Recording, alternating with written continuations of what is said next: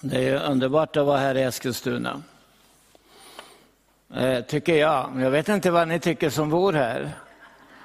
Eh, jag har eh, minnen från Eskilstuna faktiskt när jag var barn. Eh, det finns ett ställe som hette, hette den tiden Odlaren här uppe. Det kanske finns fortfarande. Där så hade min morfar en bror som hette någonting på Karlsson och var, var han, om han var trädgårdsmästare det kommer jag inte ihåg, men jag tror det, någonting ditåt. Så att jag har varit här någon gång, i alla fall under mitt liv tidigare. Och sen är jag ju så jätteglad att det är så många finsktalande som bor i den här stan alltså. Eh, det, de sitter nära mitt hjärta, också spansktalande nu då. Så det blir lite knepigt i himlen. Därför spansktalande säger att det är det spanska som ska gälla i himlen. Och finnarna säger nej, det är finskan. Så vi får se om Gabriel ställer upp en domarring där utanför porten så att det får avgöras vilket språk som ska gälla. Nej, skämt åsido. Men roligt att vara här. Eh, be gärna för, för mig, för att eh, jag behöver det verkligen. Och, eh, men vi, vi vet att den helige ande vill tala till dig här idag.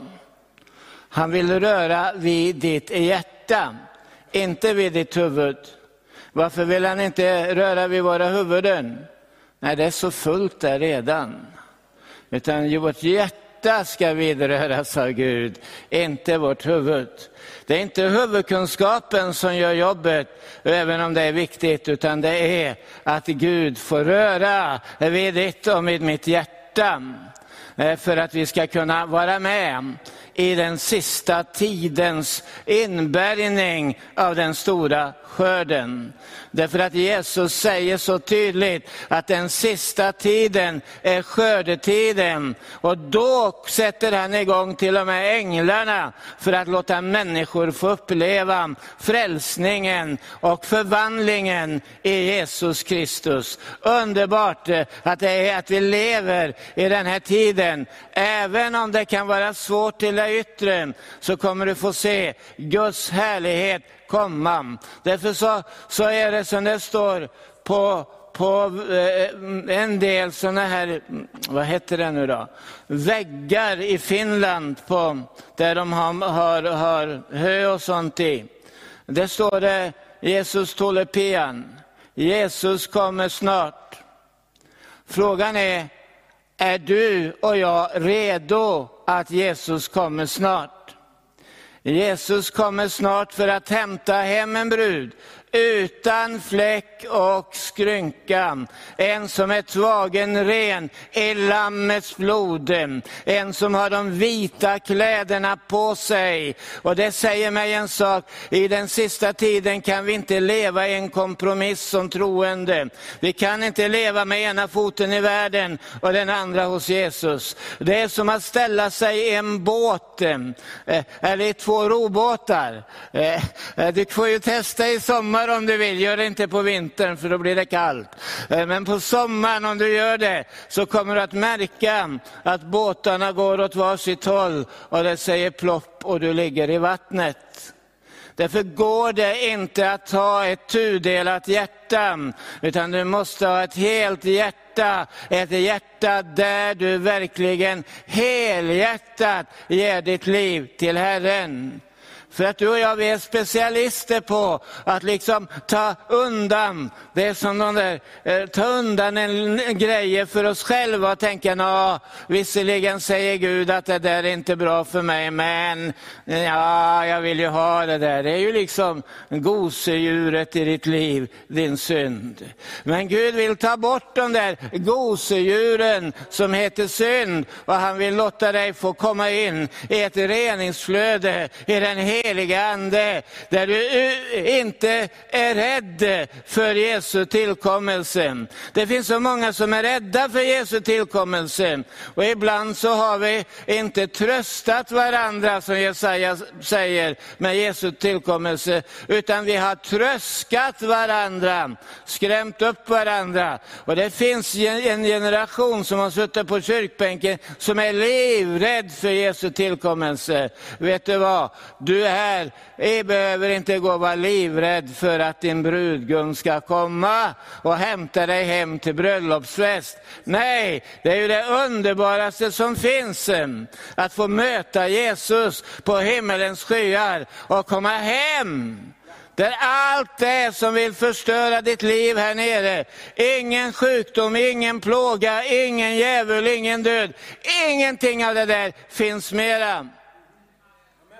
Utan bara Jesus, eh, änglarna och Gud Fadern och den helige Ande. Oj, vilken fest eh, som väntar dig. Men frågan är, vill du att andra ska vara med den dagen innanför bröllopsfesten? Så är det dags att börja röra på sig för att nå dem just nu då. För att eh, om Jesus kommer snart, ingen vet tiden, ingen vet stunden, men vi vet att han kommer snart tillbaka. Det är alla tidstecken pekar på det. Eh, du måste vara på att säga både blind och döv om du inte förstår att Jesus kommer snart tillbaka på himmelens skyar. Och då är liksom den här, ursäkta uttrycket nu, frälsningsbutiken, då stängs den. Och då, människor kan bli frälsta, men de får, det kostar deras liv. Eh, Gud vill verkligen att du ska upp, vakna, du och jag. Eh, Bibeln säger så här att vakna upp du som sover och stå upp ifrån de döda så ska Kristus lysa framför dig. Kristus ska verkligen uppenbara sig för dig och genom dig för andra så att de ser det härlighetssken som utgår ifrån Kristus och ifrån hans seger på Golgata. Han han har verkligen vunnit seger, inte bara för dig, utan Bibeln säger, han är försoningen för hela världens synd. Amen. Men det är bara det att det finns massor av människor där ute, de har ingen aning om att, eh, att de ens behöver honom. Och därför så behöver Jesus dig. Att precis som han behövde den där åsnan för att lösa den där åsnan, eh, för att rida in i Jerusalem och uppenbara sig som kung. Ha? Kommer ridaren på en åsna in och Hosianna-ropen ljuder, lovsången ljuder i människors hjärtan där inne. Så behöver Jesus inte åsnor idag, men han behöver dig. Han behöver dig som han mötte Jesus för att dela honom med andra. Och eh, eh verkligheten är ju det, och låt mig bara säga det då, att du blir ju inte frälst genom dina gärningar. Det är ju viktigt att se, utan Gud vill att du ska vara en far och en mor. Och då måste du veta just det här. Och det vet du säkert du som är här idag. Men låt mig läsa dem. I Efesierbrevet så står det så här.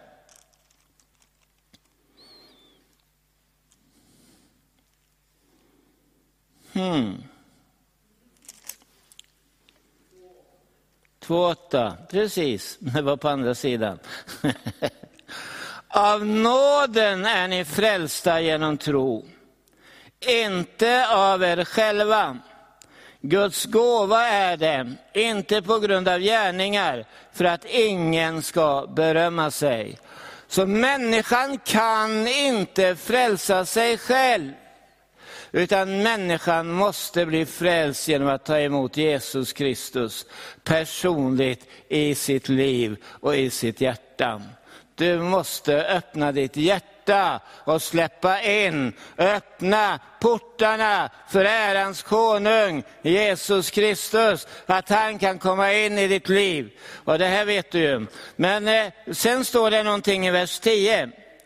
Där står det så här, hans verk är vi, skapade i Kristus Jesus till goda gärningar, som Gud har förberett för att vi ska vandra i dem. Så Gud har förberett gärningar som du som troende ska vandra i. Så det betyder inte alltså att när jag blivit frälst och jag blivit döpt och jag blivit andedöpt och talar i tungor, eh, kristenhetens trestegsraket, då är liksom allting klart. Nej, det är där allting börjar. För att då, när du, när, då är, börjar du att bli skicklig gjord att kunna vara en far och en mor, en som ser till att det kommer andliga barn till världen. Hallå! Eh, Gud söker människor som vill bli fäder och mödrar till andligt sett nu i den här tiden. Och då vill jag ju ställa frågan till dig, vill du det? Nej, det är ju inte säkert. Jag menar det är i högsta grad obetydligt, eh, alltså det är jobbigt.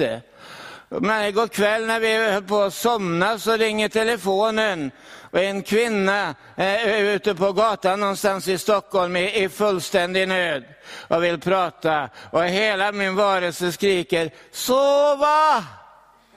Ja, du som har varit eh, småbarnsmamma, du vet hur det är.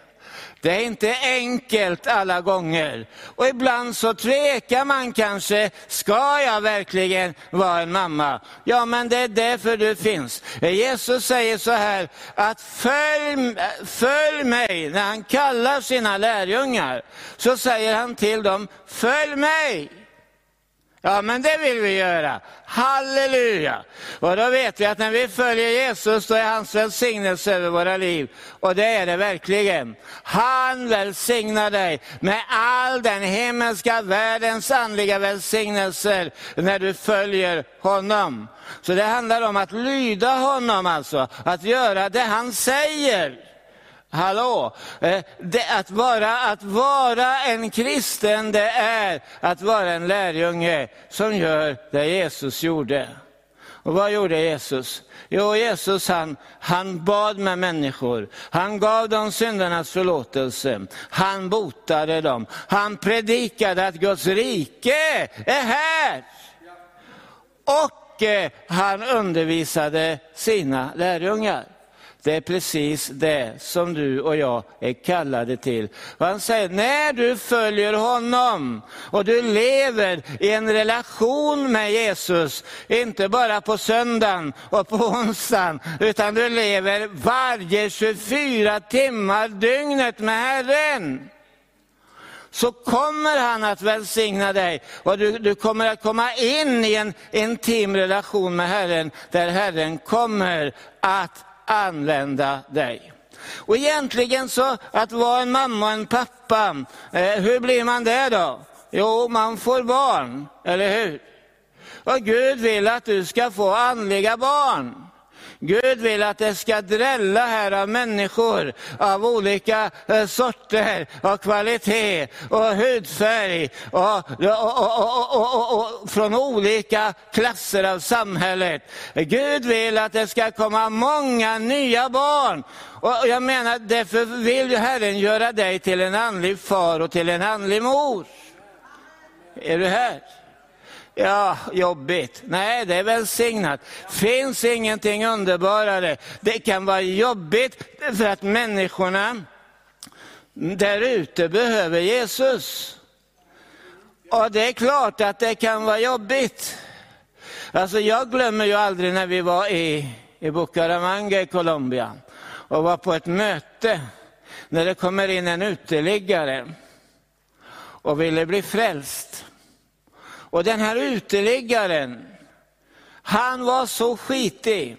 Och han, han hade till och med vita maskar kröp på kläderna på honom.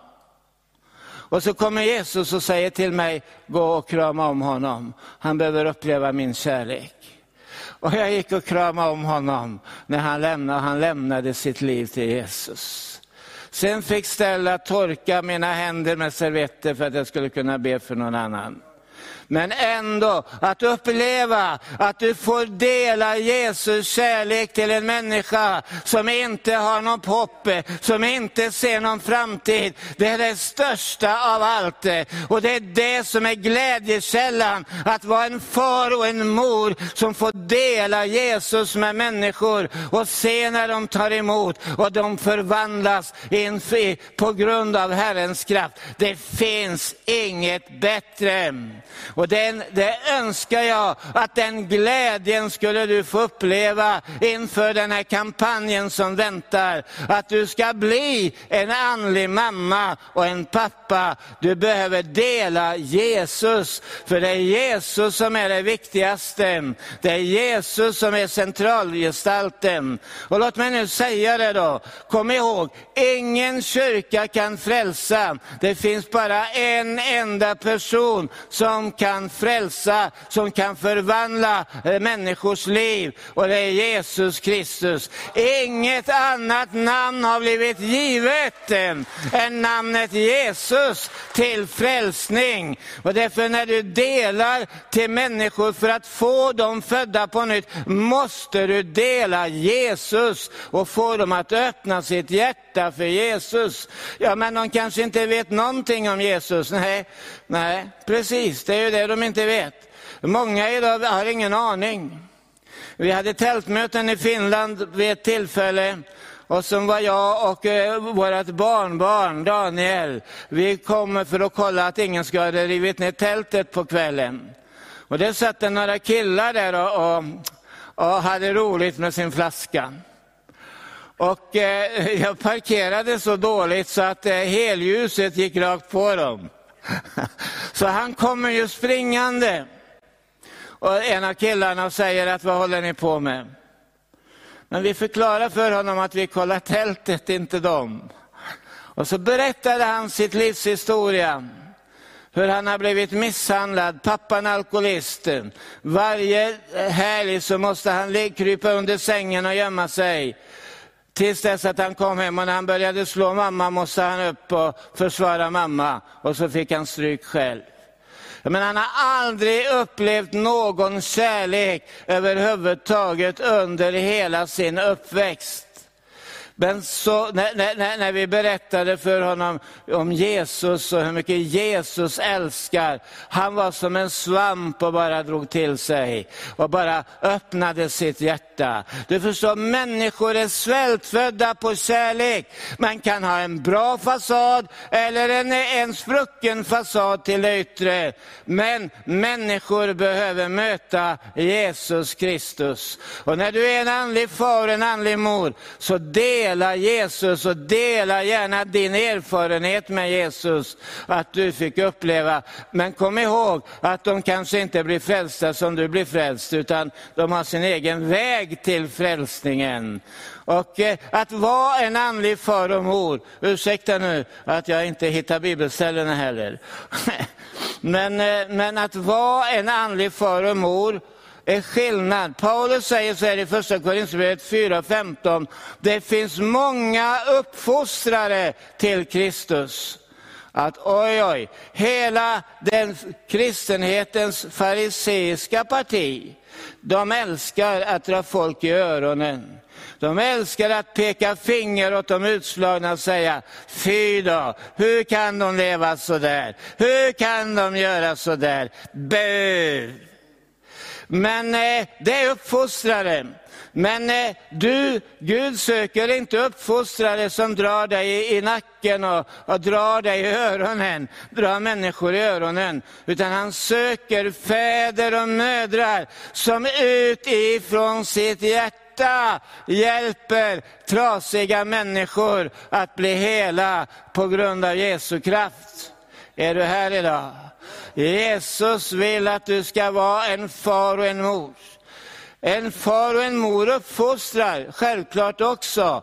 Men det är skillnad på att vara en örondragare och vara en far och en mor. Ja, det är klart, ibland kanske de behöver lite, men det är en annan sak det då. Men, men, men, men, men vad är det som händer? Jo, eh, att vara en andlig far och en mor, för att när människor kommer till tro på Jesus, så har de ju ingen aning om vad, vad, betyder det här? Hur ska jag vara? Vad ska jag göra? Vad förväntar sig Gud av mig? Vad förväntar sig församlingen av mig? Hur ska jag vara? Jag vet inte hur jag ska bete mig. Jag menar, jag har svurit, eh, kanske någon säger som en borstbindare i 30 år. Och nu ska jag bli frälst och nu ska jag sluta svära. Och så kommer han in i kyrkan och så rullar svordomarna i munnen för det hans sätt att varit och han har inte förnyat sitt sinne än. Vad gör du du då som en andlig far och en mor? Ajabaja. Eh, där ute kan du vara. Nej, du bara talar om för dem att okej, okay, eh, det där kanske inte är så bra. Men så ber du med dem, du välsignar dem och du uppmuntrar dem. Bry dig inte om, vad händer med ett nyfött barn? Jag sa det sist också. Jo, ett nyfött barn gör i blöjorna. Och det är liksom ingen som reagerar på det mer än pappa pappor som brukar hålla för näsan har byta. Men annars så är det ju inga problem. Utan det är sånt du måste, som förälder måste du tillåta de andliga barnen och, och att, att när de misslyckas, då finns du där. Inte för att döma, inte för att kritisera, utan för att lyfta. En far och en mor, vet du vad de gör? Jo, de gör så här. De visar med sitt exempel hur barnen ska göra. Och när de väl har trimmat in dem, gör så här, då gör barnen så här. Så det handlar om att du måste som troende förälder våga vara ett exempel och ett föredöme. Paulus säger ju till Efesierna att var mina efterföljare. Följ mig, säger han. Ja, men det kan ju vara lite sådär, mm, va? Vi ska ju följa Jesus. Ja, men eh, Jesus bor ju i dig och du tillhör honom och du är en lärjunge till honom. Alltså visar du med ditt exempel hur man ska vara. Vad man ska göra. Hur ska jag be? Jag har aldrig bett någonting och jag vet inte hur jag ska göra. Nej, men du vet, då lär du dem det här. Amen. Det viktigaste en förälder behöver ha, det är ju kärlek. Och det står om Jesus. Eftersom det är hans liv som finns i dig, så står det om Jesus så här, att när han såg folkskarorna, hur illa medfarna de var, så gick han på sidan om och hade ingenting med dem att göra. Inte? Nej, vad gjorde han då? När Jesus såg folkskarorna, hur illa medförna de var, så ömkade han sig över dem. Han förbarmade sig över dem. Han gick till dem. Han mötte dem. Han blev hånad för att han var en publikaners och syndares vän. Han, och de förundrade sig människorna. Hur kan han sitta med de här förrädarna, publikanerna, som går romarnas ärende? Hur kan han sitta och festa med dem? Ja. Men för Jesus var det självklart att det var de här människorna som var i misär och i nöd, som behövde eh, en pappa, en mamma. Och han var både och för dem. Han umgicks med syndare och han var inte rädd för att bli besmittad. Samma ande som Jesus hade har du i dig. Och Jesus vill att du ska ta dig an de här människorna som ingen annan tar sig an och hjälpa dem att hitta livet, det verkliga livet i Gud. När du möter människor så är det ju jätteviktigt också att du inser att deras förvandling och förändring hänger inte bara på dig som förälder, utan det hänger på Gud. Det är det som är skillnaden. Gud vill förvandla deras liv. När den helige Ande kommer över er ska ni få kraft att bli mina vittnen. Wow. Han säger inte när den, när den heliga Ande kommer över dig så ska du få gåshud på hela ryggen. Utan han säger, när den helige Ande kommer över dig ska du få kraft att vara hans vittne, att vara en mamma och en pappa pappa som delar Jesus med människor. Och du ser hela apostlagärningarna är full av detta. Hur människor fick möta den heliga Ande. Heliga Andes kraft kom över dem. Och då kunde de inte sitta still mera. Åh, halleluja, vad jag längtar efter detta. Att du och jag som Guds folk eh, verkligen får lite spritt i benen. Att vi inte bara kan sitta i kyrkan, utan vi måste ut. Vi måste nå människorna med evangelium. För att om Bibeln är sann, att Jesus kommer snart, har vi inte lång tid på oss att nå dem. Men du ska nå dem och du ska vara med dem. Du ska sitta tillsammans med dem när det brister, när det går sönder, när de gör bort sig, när blöjorna blir fulla. Då ska du sitta där som en far och en mor och du ska krama dem, du ska trösta dem, du ska hjälpa dem och uppmuntra dem att det här är inte farligt. Du kommer vidare med Jesus. Han kommer att hjälpa dig och du kommer att bli fri, även om det har gått snett för dig. Vet du, när vi har suttit med människor som har varit trasiga och sargade och har sett hur människor bara liksom får uppleva Guds kärlek och Guds kraft Eh, och hur det bara ger dem modet att gå vidare, att stå upp ifrån sitt fall och bara resa på sig, få ny tillit till Jesus och gå vidare. Därför Jesus har sagt, när du är en kristen så ska du följa honom. Och vad ska du då göra? Bli en människofiskare. Kasta inte nätet i båten, där finns inte fisken. Kanske du får en och annan flugfisk, eh, sa vi sist. Men eh, när du går ut eh, till folkhavet där ute, precis Jonas blev kastad i havet, och där fick han möta Gud. Eller hur? Och så kommer han upp på land och går till Nineve och predikar. En hel stad förvandlas genom en enda person. Du har inte sett vad Gud kan göra genom dig. Du kanske inte vinner så många för Jesus, men tänk om du vinner en som vinner tusen eller tiotusen. Det vet du inte. Men du är värdefull. Du behövs i den här tiden. Ja, men säger du, jag är så svag och jag är så dålig och jag har så mycket problem själv.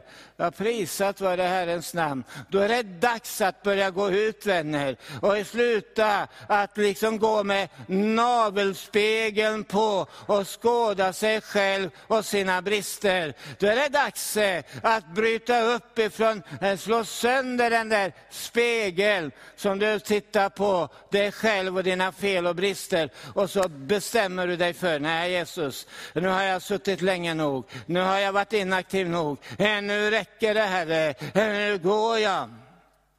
Och Gud kommer att använda dig starkt som en far och som en mor som tar dig an människor. När du ska möta människor och få dem frälsta, eller efter de har blivit frälsta, då är det ju jätteviktigt att du ger dem rätt näring. Eller hur? Paulus säger så här, att han kunde inte tala till korintierna som till andliga människor, utan han måste tala till dem som, de tålde inte att käka mjölken. Men jag menar, ibland så är du och jag så ivriga när det gäller nyfrälsta. Nej, inte du, det är bara jag. så att ibland så proppar vi dem med bibelord, så mycket Guds ord på en gång, att de storknar. Det är ungefär som att ge fläskkotlett till dem. Och, och, bara stoppa i dem och tro att nu får du tugga, här har du mat lilla bebis. Det går ju inte. Det blir fullständig förvirring och, och, och fullständigt lockdown i huvudet på dem. Eller hur? Därför måste du anpassa näringstillförseln, alltså Guds ord. De måste få Guds ord från början. Men du behöver ju inte ta från första Moseboken till Uppenbarelseboken på en gång. Utan du kan ju fördela födan för dem. Så att, eh, vad är viktigt när en människa blir frälst då? Jo, en av de viktigaste frågorna du har, det är ju det här att föra dem in i Guds ord. Därför att eh, de har massor av frågor, jag lovar dig. Eh, de har så mycket frågor att eh, det blir jobbigt för dig. Det är som den lilla bebisen som ligger där och hela tiden äh! ja? De kommer plåga dina öron alltså. Men det är viktigt att du Att du kan svara på deras frågor, att du kan hjälpa dem med det som är blockeringar i sinnet, så att de börjar förstå vad Gud vill säga, vad det här nya livet innebär. Det är oerhört viktigt att du verkligen, ja men säger du, tänk om jag inte vet själv då? Ja, för verkligheten är ju att må, må, många gånger så har vi själva problem att förstå, eller hur? Hallå? Ja. Alltså, det är det som är sporren i tillvaron att läsa Bibeln för dig. Helt plötsligt hamnar du med en nyfrälst människa som inte har en aning om någonting och kommer med sådana svåra frågor att du har ingen aning om någonting heller. Ha? Vad gör du då? ja, vad gör du då? Då får du börja ropa till Gud. Jesus, nu får du visa mig utifrån den här boken, vad är svaret på den här personens fråga? Och så kommer du att upptäcka efter ett tag någonting. Att det där kommer att påverka ditt eget andliga liv, att få andliga barn. För helt plötsligt måste du själv börja äta som om du aldrig har gjort förr, för att kunna besvara frågor. Det tycker jag är fantastiskt. Tänk dig att Gud använder nyfrälsta för att skapa en hunger i ditt eget liv efter mer av Gud. Och när du möter de här trasiga människorna med problem så inser ju du en sak. Ja, det här klarar inte jag. Men det behöver ju inte göra dig missmodig på något sätt. Utan som manlig förälder så vet du det. Du har en annan förälder som är över dig, som du kan gå till, till Gud. Och göra det, det skapar ju, när, när, när, du känner den här osäkerheten, och vi vill ju veta, det har jag märkt, hur ska vi göra? Steg ett, steg två, steg fem, steg sju. Men det är så underbart att den helige ande måste få leda dig, och han vill att du ska bli beroende av honom för att kunna mätta mätta med rätt näring de här som blir frälsta och kommer till tro. Så Gud vill skapa det där beroendeförhållandet ännu starkare och det blir det automatiskt när de andliga barnen föds till den här världen. Sen kan du ju inte som förälder, du kan ju liksom inte, nu kommer jag in på, på eftermiddagen tydligen, men det som det är. Du, du kan ju inte som förälder, jag, jag menar Gabriel, ängeln Gabriel här borta. Eh, skulle du kunna tänka dig att sätta din bebis nyfödd i garaget?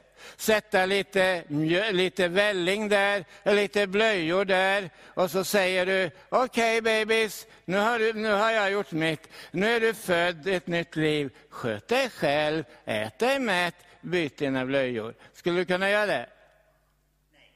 Nej. Nej, självklart inte. Men det är ju det du och jag många gånger har gjort. Människor har kommit fram, lämnat sina liv åt Jesus. Och så har vi sagt, ja Gud välsigne dig. Underbart, halleluja att du har blivit frälst. Och så, lämnar, så säger vi välkommen på nästa möte. Och när nästa möte kommer, vart har de gömt sig någonstans? Vart tog de vägen? Nej, det blev nog ingenting med deras frälsning. Jo, det blev det visst det. Men det nyfött barn är beroende hela tiden av sina föräldrar. Hallå? Därför så vill Herren att lämna inte ofrälsta, inte ens 24 timmar. Utan låt dem verkligen få uppleva att eh, någon tar hand om dem. Det är så många vi har satt avfällighetsstämpeln på beroende på att vi inte har it's ta hand om dem. Och ändå lever de med Jesus, men de lever ensamma utan församlingsgemenskap. Och Jesus vill ha in dem i församlingen en i gemenskap med dig och med många andra. Mm.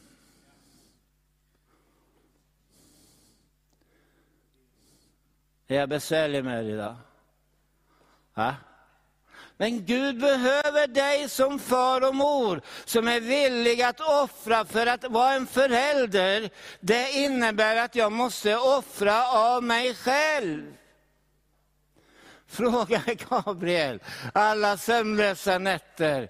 Även om som pappa så har vi förmånen, hade jag i alla fall, att vända på mig och somna om. Men jag vaknade många gånger på natten, när mina barn var små.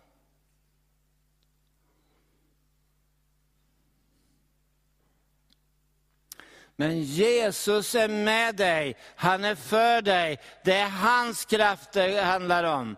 Jesus säger, gå ut och predika evangelium. Gör alla folk till lärjungar. Varför? Hur ska vi kunna göra det? Jo, han säger, jag, alltså han, har all makt i himmelen och på jorden. På grund av att han, var är han nu då? Han är uppe på läktaren och han är här. Varför det? Därför han bor i dig genom sin ande. Eller hur? Hans makt, hans kraft, hans auktoritet är det som gör att du kan se människors liv förvandlade.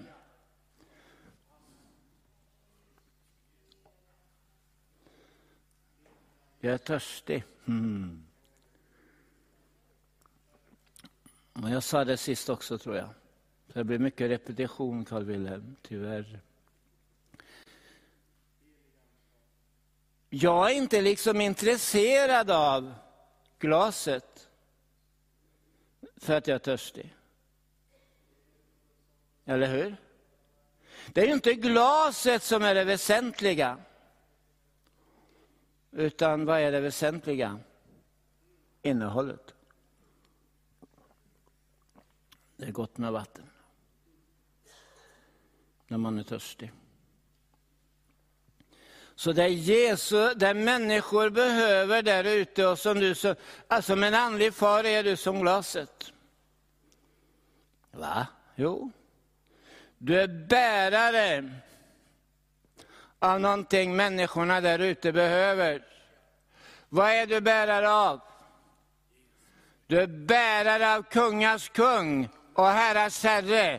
Du är bärare av honom som har all makt i himmelen och på jorden. Du är bärare av det livet han hade när han vandrade här nere på jorden. Det livet finns i dig. Därför kan du vara en kanal, du kan vara en far, du kan vara en mor till många människor. Därför det hänger inte på glaset på dig, utan det hänger på honom som bor i dig. Prisat vare Herrens namn. När Jesus säger så här, nu, nej Paulus säger så här, nu lever inte längre jag, utan Kristus lever i mig. Hans uppståndelseliv är det livet som de kommer att möta där ute. Så det handlar inte om vad du kan, det handlar inte om vad du förmår, utan det handlar om vad han som bor i dig kan göra med människor. Och när jag vet det, då vågar jag säga till Jesus, Herre, här är jag, sänd du mig. För jag vet, det handlar inte om min egen förmåga, min egen smarthet, min egen duktighet, min egen kunskap. Utan det handlar om han som är livet, som bor i mig. Och den har du att förmedla till andra. Du behövs min älskade syster och bror i denna yttersta tid, i skördetiden, för att ta hand om den skörden som Jesus kommer att sända.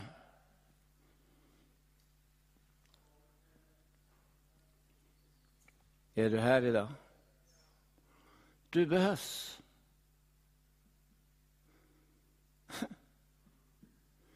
Ja, man säger du, säkert gått över tiden va? Det måste sluta. Men vänta lite, jag vill bara säga så här. Det är så många som har parkerat sig själva som kristna. Och du har tänkt så här, ja men, men hur ska jag kunna? Jag är ju si och jag är ju så. Jag har gjort det och jag har gjort det och jag har gjort det. Glaset kan vara skitigt, men det går att dricka ur. Eller? Om man inte är finkänslig. Men innehållet finns i glaset även om det är skitigt. Hallå? Du kommer aldrig att bli felfri så länge du lever på den här jorden. Nej, men det hindrar inte Gud att använda dig för att förmedla sin kraft här på jorden. Utan din svaghet, din brist eh, gör att du blir beroende av honom. Du blir beroende av innehållet och det är innehållet i Jesus som människorna där ute behöver. Nu har jag en känsla av att jag måste sluta. Va?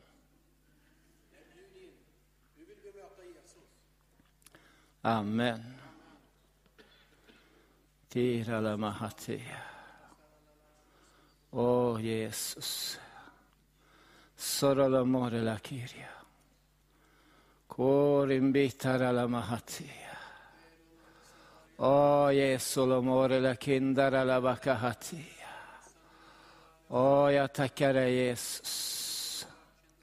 Tackar dig Jesus. Tackar dig Jesus. Kidorolomore la bakadiam. Ori barakitara la bagandere regeria. Sorolavokoria.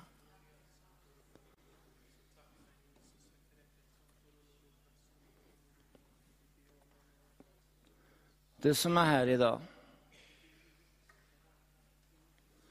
som kanske upplever att du har inte det klart med Jesus.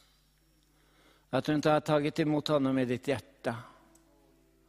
Så finns det en möjlighet att göra det den här stunden.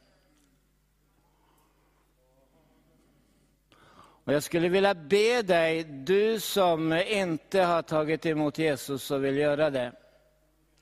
För han är den ende, lyssna nu, han är den ende som kan hela ditt trasiga hjärta. Det finns ingen människa, det finns inga terapier som kan hela ditt hjärta. Men det finns en uppstånden frälsare som kan röra vid och hela det hjärta som har gått sönder på grund av allt det som har skett i livet.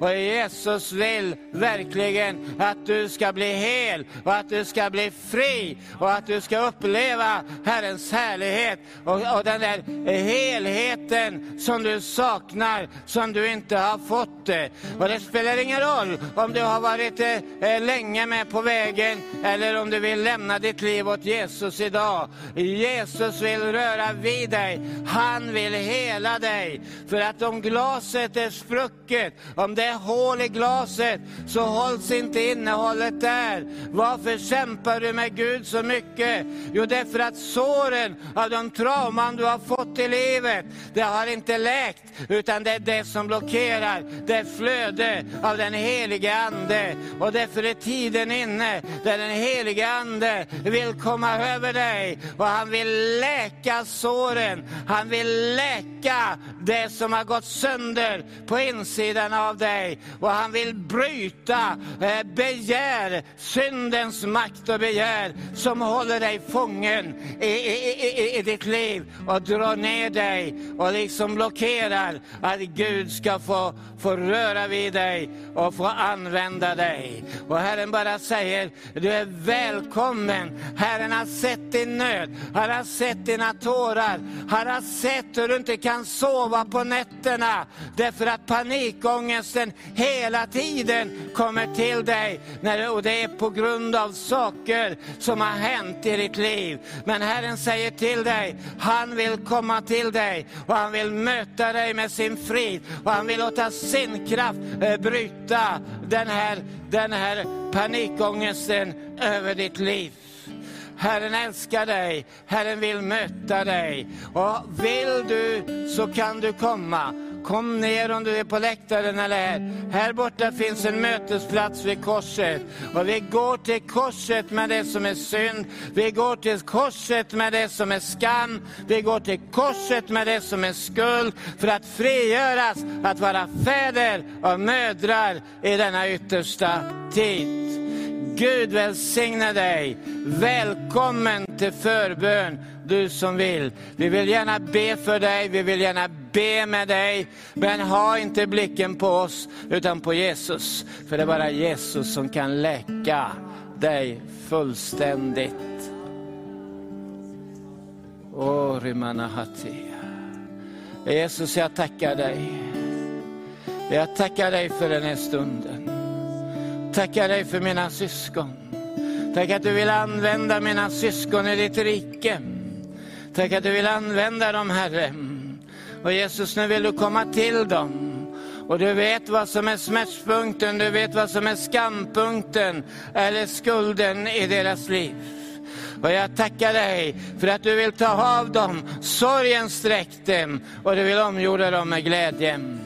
Därför prisar jag och tackar dig för att du är Herre. Tack att du vill möta Fader i Jesu namn. Amen. Ila Så de du vill ta emot Jesus till frälsning, välkommen. Det är enklare, att ta emot Jesus är det enklaste som finns. Det finns inget enklare. Det är att öppna sitt hjärta och bara säga till Jesus, Jesus jag tackar dig för att du gav ditt liv på korset för mig. Tack att du bar min synd, min skuld och min skam upp på korset. Tack Jesus eh, för att jag får ta emot dig idag som Herre och Frälsare. Och tack att jag från och med nu får räkna med att du renar mig i blodet och att du fyller mig med din heliga Ande. Tack att du förlåter mig all min synd. Och från och med idag vill jag att du ska vara Herre i mitt liv, ha bestämmanderätten över mig. Om du ber den bönen med enkla ord så kommer Jesus att flytta in i dig oavsett vad du känner eller inte. För skriften säger om du tror i ditt hjärta att Gud har uppväckt Jesus ifrån de döda och med din mun bekänner att Jesus är Herre, då blir du frälst. Där börjar det. Där är det. Och därför så får du vara välkommen att komma ner.